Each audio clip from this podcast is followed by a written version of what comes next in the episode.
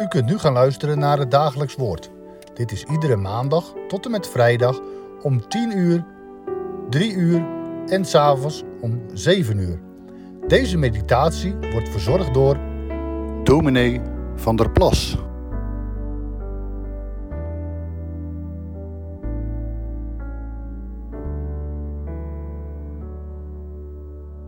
Hartelijk welkom bij Dagelijks Woord. We lezen verder in het boek Exodus, vandaag Exodus 4, vers 1 tot 5. Toen antwoordde Mozes en zei: Maar zie, ze zullen mij niet geloven en niet naar mijn stem willen luisteren, want ze zullen zeggen: De Heere is niet aan u verschenen.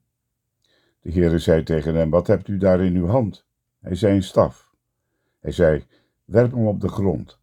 En hij wierp hem op de grond en hij werd een slang. En Mozes vluchtte ervoor. Maar de Heere zei tegen Mozes, steek uw hand uit, grijp hem bij zijn staart. Toen stak hij zijn hand uit en greep hem vast. En er werd weer een staf in zijn hand, opdat zij geloven dat de Heere aan u verschenen is, de God van uw vaderen, de God van Abraham, de God van Isaac en de God van Jacob. Soms zijn dingen te groot om aan te pakken. Een groot verdriet, een bijzondere opdracht, een enorme uitdaging. Je schrikt ervoor terug. Zou ik wel durven? Kan ik dat wel? Misschien herkent u het. Je kunt er ook in het geloof mee geconfronteerd worden. De Bijbel laat ons telkens zien dat ook gelovigen mensen zijn van vlees en bloed, zwak van zichzelf en alleen sterk in de Here. Wanneer hij hen tot zijn dienst roept, hebben ze soms allerlei mitsen en maren. Duizend vragen en duizend doden kwellen mij angstvallig hart, zingt Psalm 25. Je kunt het zomaar in je eigen leven terugvinden. In de tekst van vandaag komen we Mozes ook in zo'n situatie tegen. De Heere roept hem om naar Egypte te gaan en het volk Israël uit te leiden. Diep geraakt door de aanwezigheid van God worstelt Mozes met zijn opdracht. Kan hij wel? Durft hij wel? De Heere breekt met machtige woorden door al die vragen heen. Hij zal hem zijn heerlijkheid tonen. En Mozes mag verwachten dat de Heere zijn woord nakomt. Ik zal er zijn, zegt hij. Je mag gaan in mijn kracht. En wanneer je het van mij verwacht, zul je ervaren wie ik voor je zijn wil. Wanneer de Heere zo spreekt, komt het op geloof aan. Hij voorspelt de uittocht van Israël uit Egypte, terwijl het volk elke dag zucht onder het juk van de slavernij. We voelen hoe Mozes worstelt met allerlei vragen. Natuurlijk, hij verlangt ook naar de vrijheid voor zijn volk. Het woord van de Heere raakt zijn hart, en tegelijk ziet hij er als een berg tegenop om te doen wat God hem opdraagt. Toen antwoordde Mozes en zei: Maar zie, ze zullen mij niet geloven en niet naar mijn stem willen luisteren, want ze zullen zeggen: De Heer is niet aan u verschenen.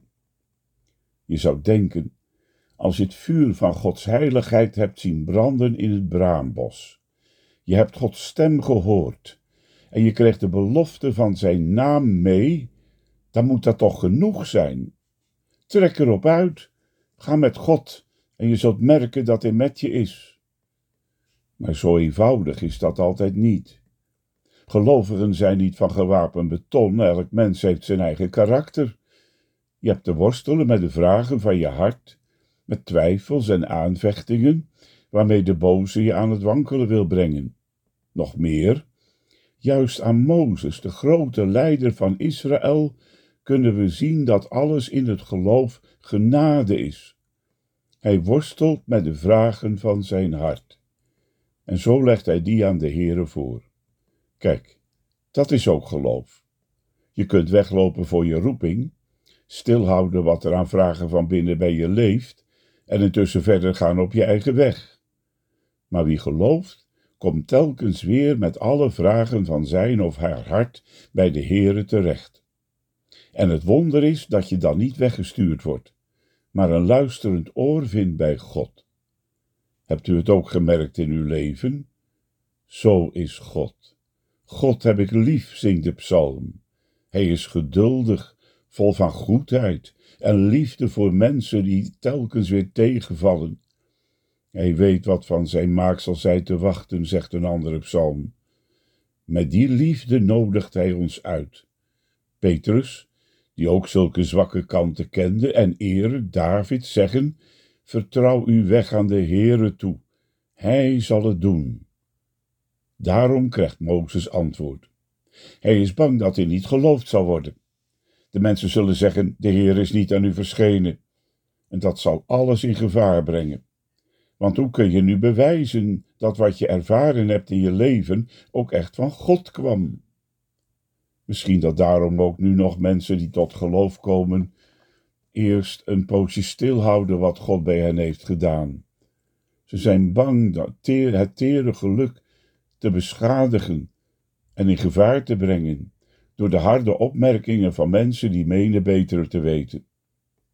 Twijfel en ongeloof van anderen kunnen je diep raken en zomaar aan het wankelen brengen, onzeker als je bent van jezelf. Dat merken we ook aan Mozes. Tegelijk denkt hij ook klein van God.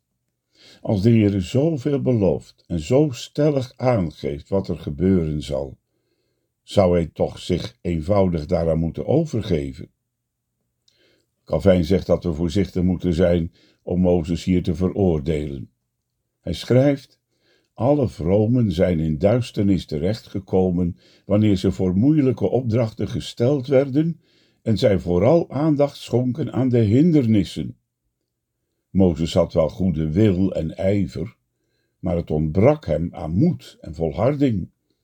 Hij wierp die zorg op de Heere en verlangde er innerlijk naar dat hij bemoedigd zou worden door een nieuwe belofte van genade, die voor hem de hindernis zou wegnemen en hem een nieuwe beslissende duw in de rug zou geven.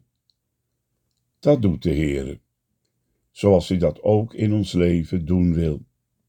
Wie hem aanroept in de nood, vindt zijn gunst oneindig groot.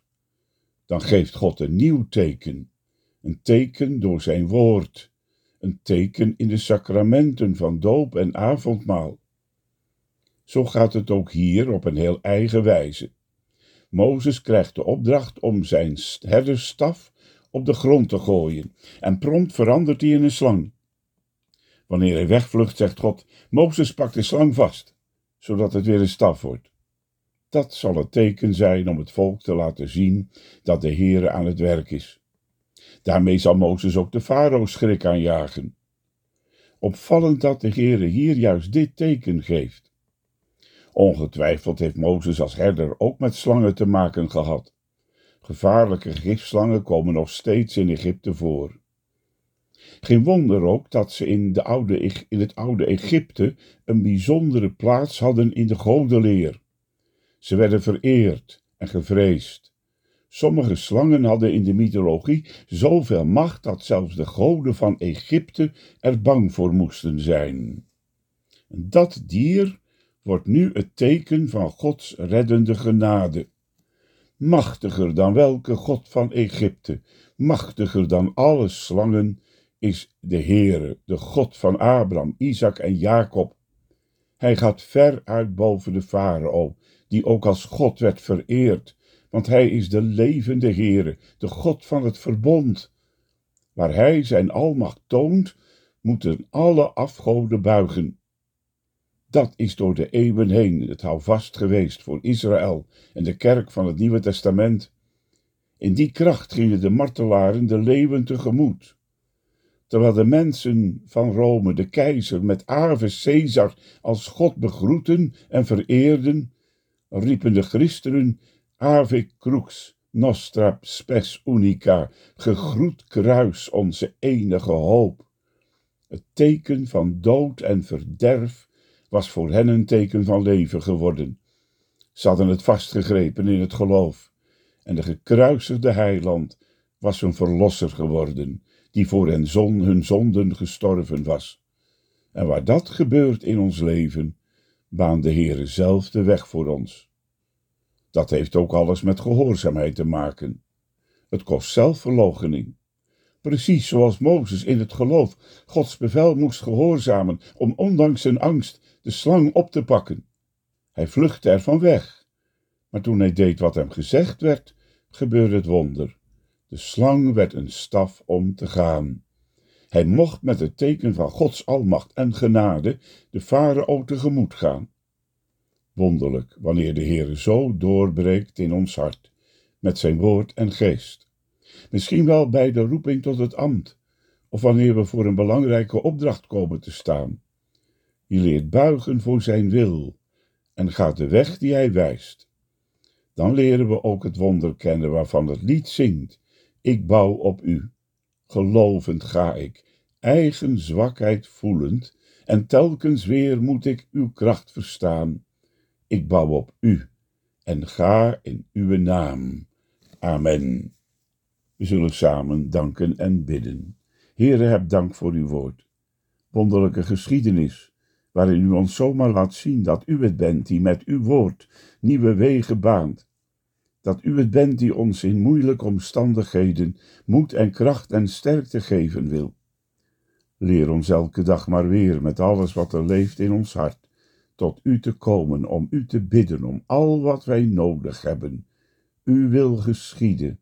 Laat mij zo trouw zijn en mijn werk verrichten en mijn dingen doen die u mij opdraagt als de engelen in de hemel. Schenk daartoe of vermeerder ons het geloof door de kracht van uw geest en woord. Hoor ons uit genade, om Jezus wil. Amen.